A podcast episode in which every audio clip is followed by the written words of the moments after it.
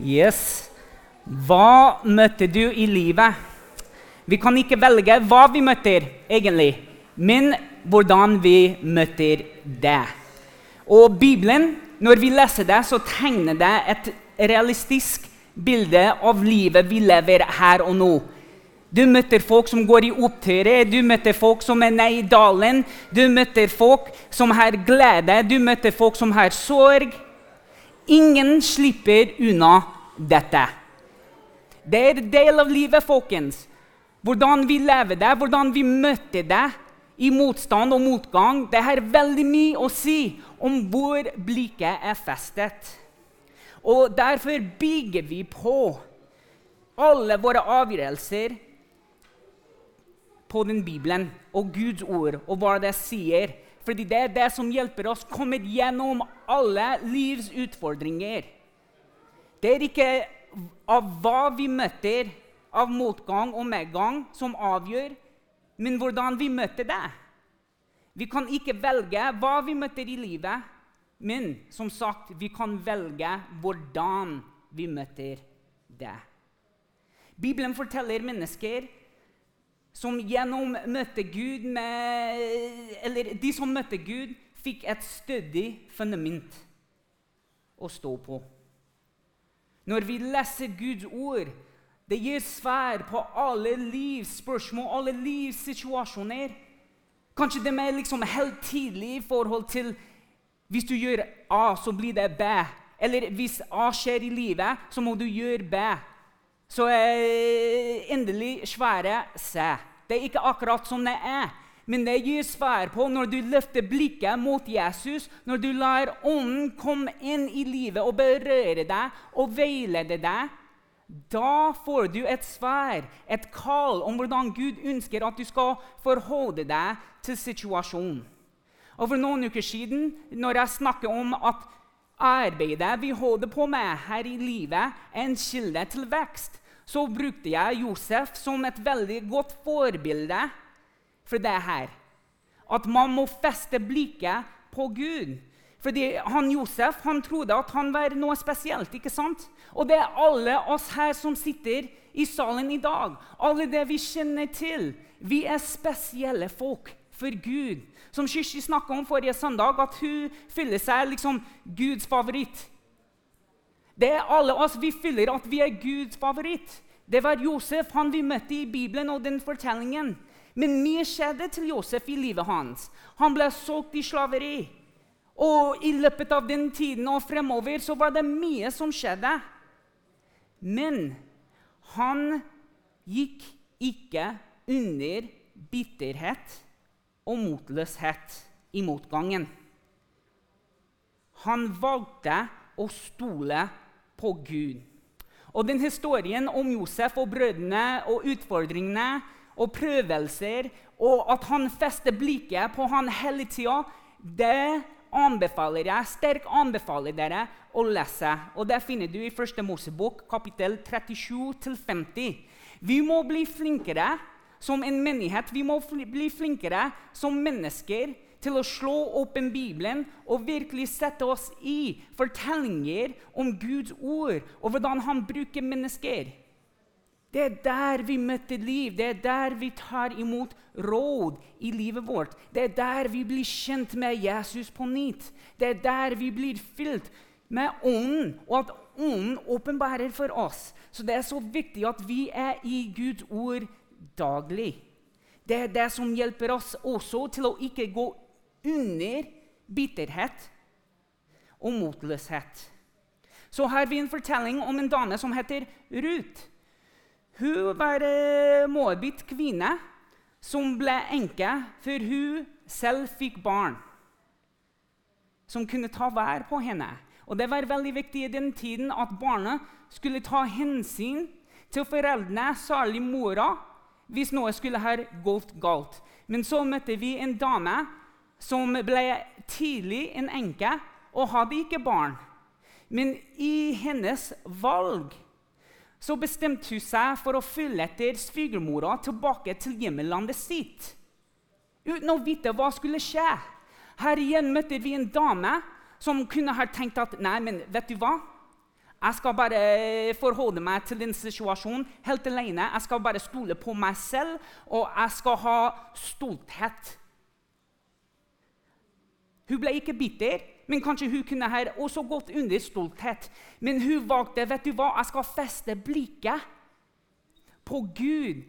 Jeg vet at han skal ta vær på meg. Jeg vet ikke akkurat hvordan situasjonen foran ser ut, men vet du hva? Jeg skal feste meg til noen som jeg kjenner til veldig godt, som også har eh, en tro på at Gud skal ta vær på den fremtiden. Og historien der med Ruth det ender med at hun, hun møter en mann, Boas. Og de blir sammen. De gifter seg. Hun får barn. Hun blir velsignet, og helt til slutt så blir hun oldemor for David kong David. Og Den historien finner du i Ruth sin bok. Les om Guds folk. I Bibelen møter vi folk som er akkurat som oss. Som ikke valgte hva de skulle møte i livet, men tok et valg på hvordan de skulle møte det. Med et blikk som er festet hele tiden på Gud. Når vi leser i Det nye testamentet, så leser vi om Jesus. Han møtte motstand, motgang. Folk som var motløse, folk som ønsket å ta grep i han, drepe han. Aldri ble han bitter. Aldri gikk han under stolthet. Og det er det samme med disiplene, og apostlene hittil i dag.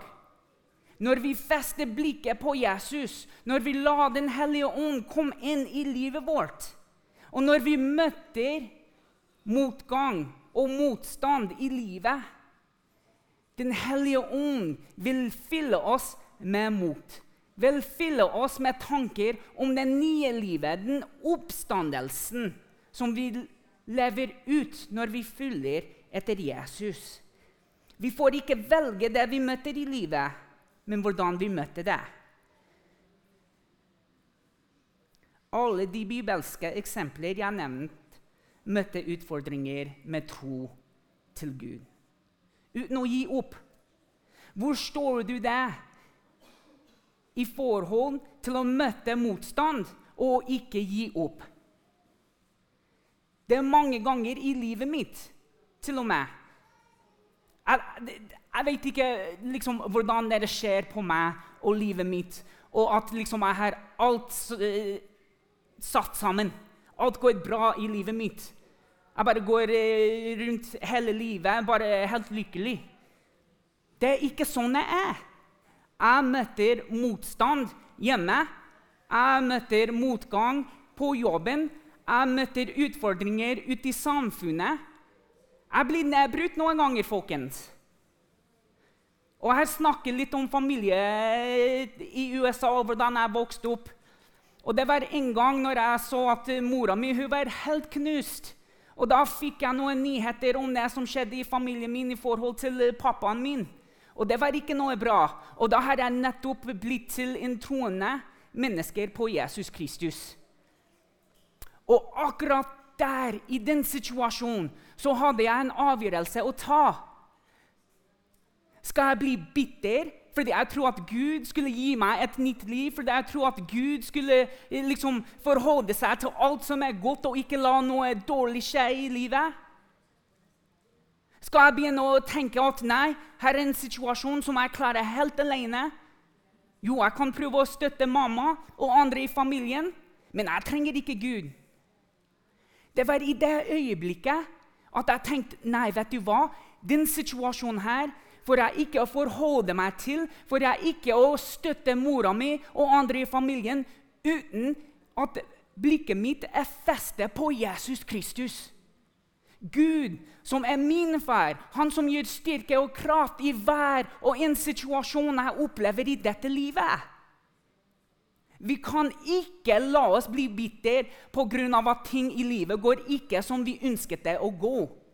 Vi kan ikke bli stolt og leve i stolthet fordi vi trodde at vi kunne klare alt uten Gud.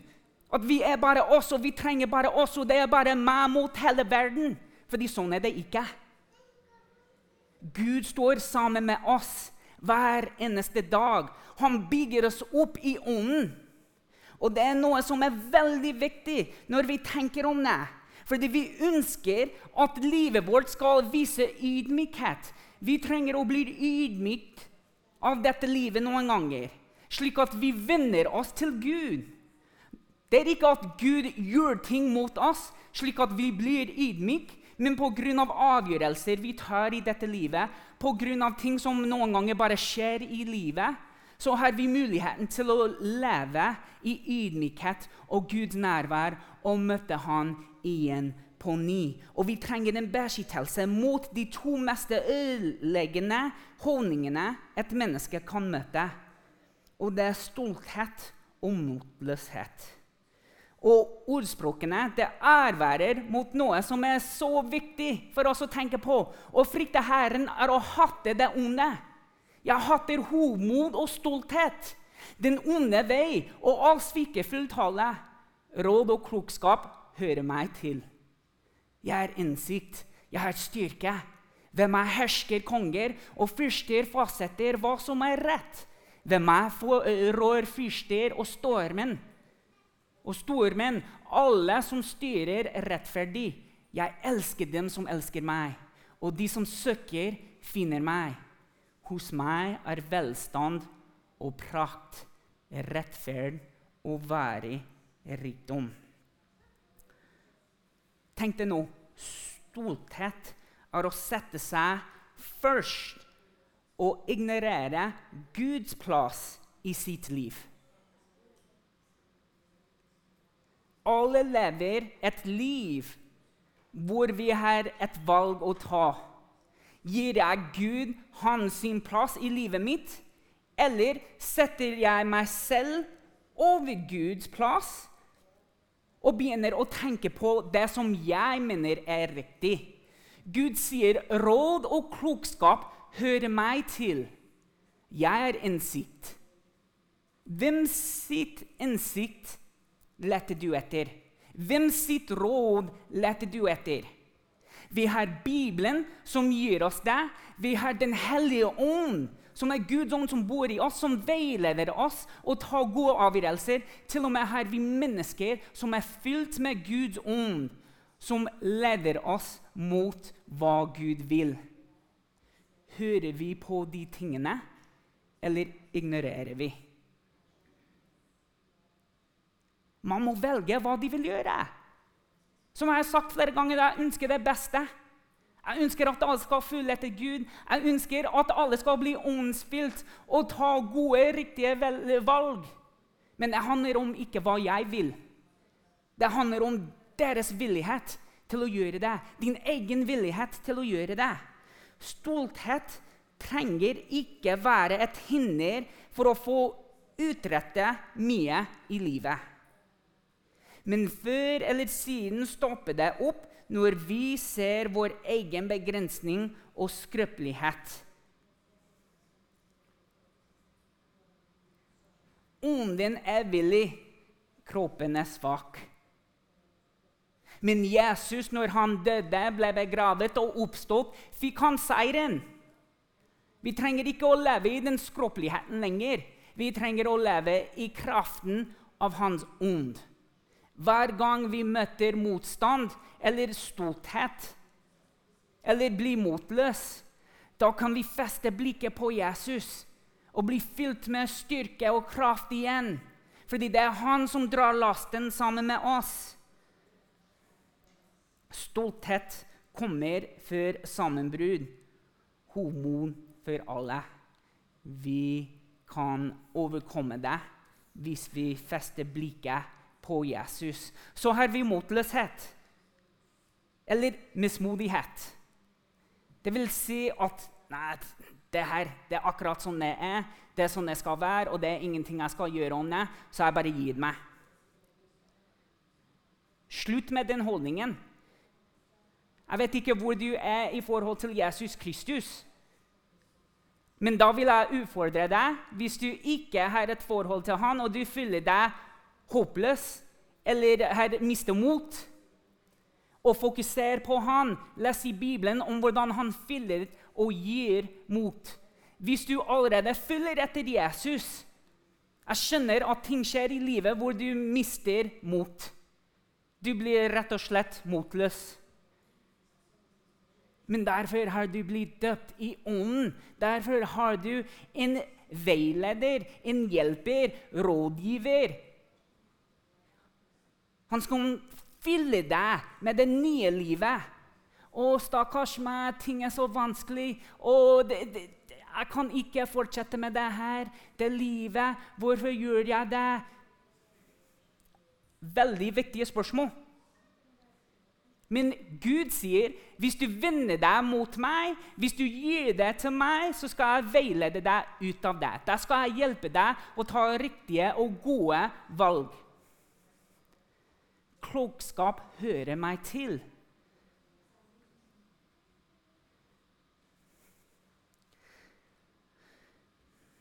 Begge deler avviser å gi Gud rett men lar våre følelser og temperament ta overhånd. Livet kommer med mange følelser. Det er nesten overveldende i dagens kultur når vi snakker om fullelser. Gud sier, 'Gi alle dine fullelser til meg', så erstatter jeg dem med glede. Du har sorg, da erstatter jeg det med glede. Du hater deg selv pga. Av avgjørelser du har tatt og gjort. Gi dem til meg, så skal jeg erstatte dem med tilgivelse, med nåde, med kjærlighet. Det er meg. Vi legger alle disse tingene ned foran Guds trone i forbønn. Fordi Jesus, Den hellige ånd, de snakker med Gud. De går i forbønn for oss. De fyller oss med nye tanker om en ny fremtid. Stoltheten gjør at man biter tennene sammen og vil vise at man får det til. Gir motløsheten seg over og la omstendigheter ta styringen. Det er så ofte at vi tenker å, jeg frykter hva kommer. Da lar jeg ting bare skje. Jeg skal bare fylle meg med frykt hele tida. Men Guds ord sier at perfekt, fullkomne kjærlighet driver ut den frykten. Og jeg har lyst til å gjøre det ting her, men jeg vet at Gud ønsker at jeg skal gjøre det her. Den ånden gir oss nye måter og utruste oss til å gjøre ting som Gud ønsker, ikke som vi ønsker å ha lyst til. Vi gir opp styringen over eget liv, mister retningen og lar følelsen styre det når vi gir oss over til motløshet. Når frykt og motløshet overtar, sier vi egentlig at Gud han verken bryr seg eller har makt til å gjøre noe med det vi opplever i livet. I neste omgang skylder vi på Gud og gir rollen at når problemet stiger opp og bygger opp, at da blir det vår identitet. Vi gir ikke Gud sin plass til å bli vår identitet. Og vi ender opp som en liksom, kastebil, kasteball for livets tilfeldigheter. Sånne ting kan ikke skje. Eller de kan skje, fordi vi velger ikke hva vi møter i livet. Men alt som kommer i dette livet, kan vi velge hvordan vi møter den. Mestringsfølelsen forsvinner når vi opplever sånne ting vi forakter oss selv og møter andre med den samme negative holdningen. Vi liker å omringe oss til og med med folk som har akkurat det samme perspektivet om livet. Men Gud kaller oss til å tilhøre hans familie, som har den rette perspektivet, den riktige tanker om hvordan vi skal håndtere alle livssituasjoner.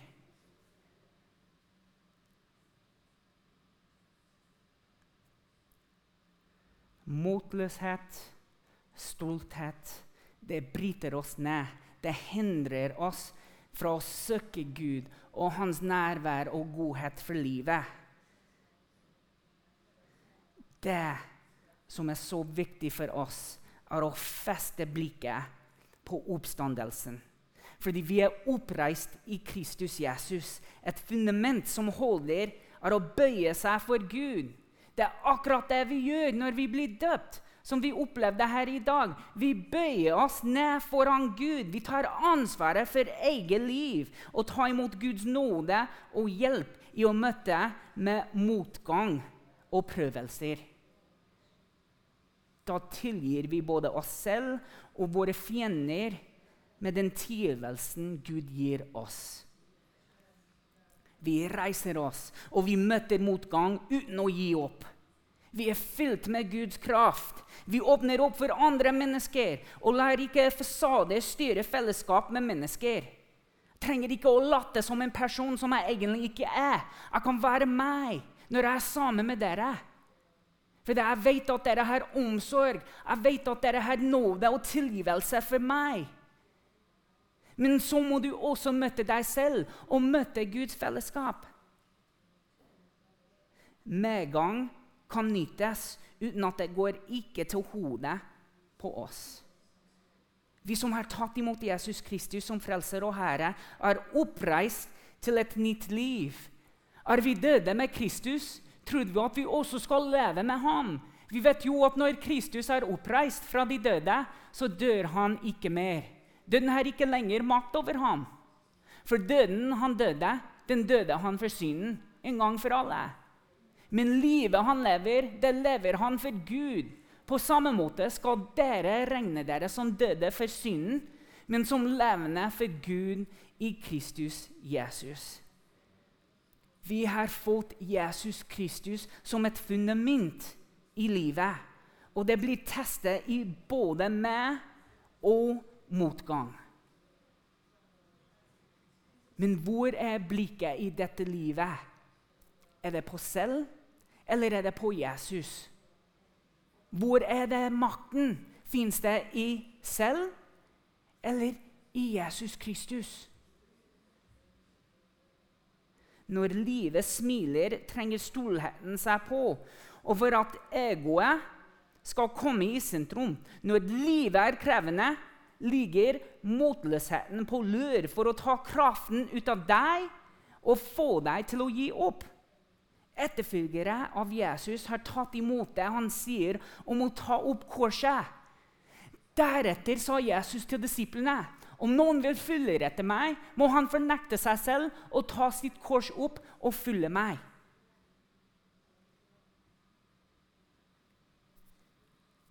Livet er ikke lett, folkens. Alt er ikke rettferdig.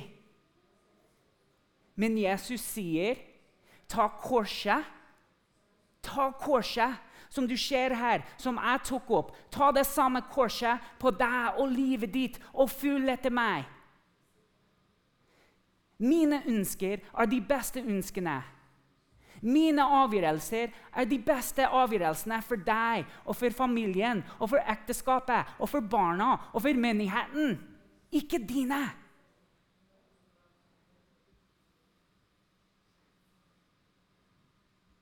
Når ting går bra i livet, når ståhet kryper inn Den beste måten å overkomme eh, det er å takke og prise Gud. Fordi det er Han som gjør alt. Det er Han som får til.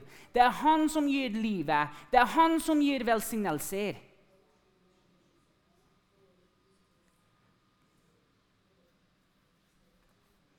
Det betyr at vi ikke gir etter forståhet og motløshet når de vil ta over livet vårt.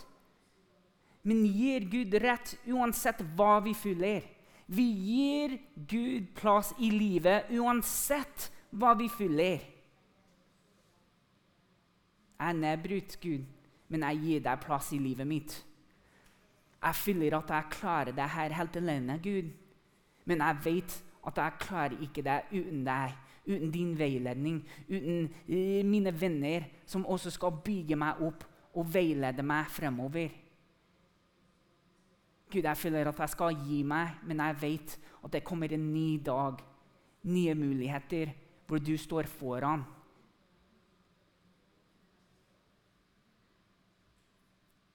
Testen på alt dette kommer ofte når vi speiler av andre mennesker. Ikke speile livet ditt etter mitt liv. Ikke speile livet ditt etter mannen som sitter neste til deg. Speile livet ditt etter Jesus Kristus. Det beste speilet man kan se seg i og gjennom. Å stå på et solid fundament i Kristus er å vandre ydmykt og leve i forsoning. Det fungerer alltid i alle situasjoner. Vi kan ikke velge hva vi møter i dette livet, bare hvordan vi møter det. Og her og i dag sier Gud til oss at vi møter det ved å feste blikket på den eneste Jesus Kristus, vår Herre. La oss be. Kjære Gud, vi takker deg for at i dette livet kan vi feste blikket på deg, Gud. Takke deg for at vi kan komme til deg og få godt råd. Sannheter som betyr noe for dette livet. Sannheter som fører oss eh, nærmere deg, Jesus. Takke deg at i vår stolthet og vår motløshet så kan vi møte deg, Jesus, og bli ydmykt i ditt navn. Og at vi kan komme foran dine troner, bøye oss ned og prise og takke deg, Gud, og be for tilgivelse, og at vi blir forsonet med deg gjennom Jesus Kristus. Takke deg for oppstandelsen, takke deg for det nye livet. Takke deg for Den hellige ånd som utruster oss. For dette livet og motgang og motstand og motløshet. Fordi alle, Gud, har du gitt oss et håp, en kjærlighet, tilgivelse og muligheter til å komme oss gjennom alle livs utfordringer. Takke deg for at du fyller oss med glede. Takke deg for at du har gitt oss en kjærlighet som er større enn verdens kjærlighet. Takke deg for at du møter oss akkurat hvor vi er her i dette livet. I Jesu navn. Amen.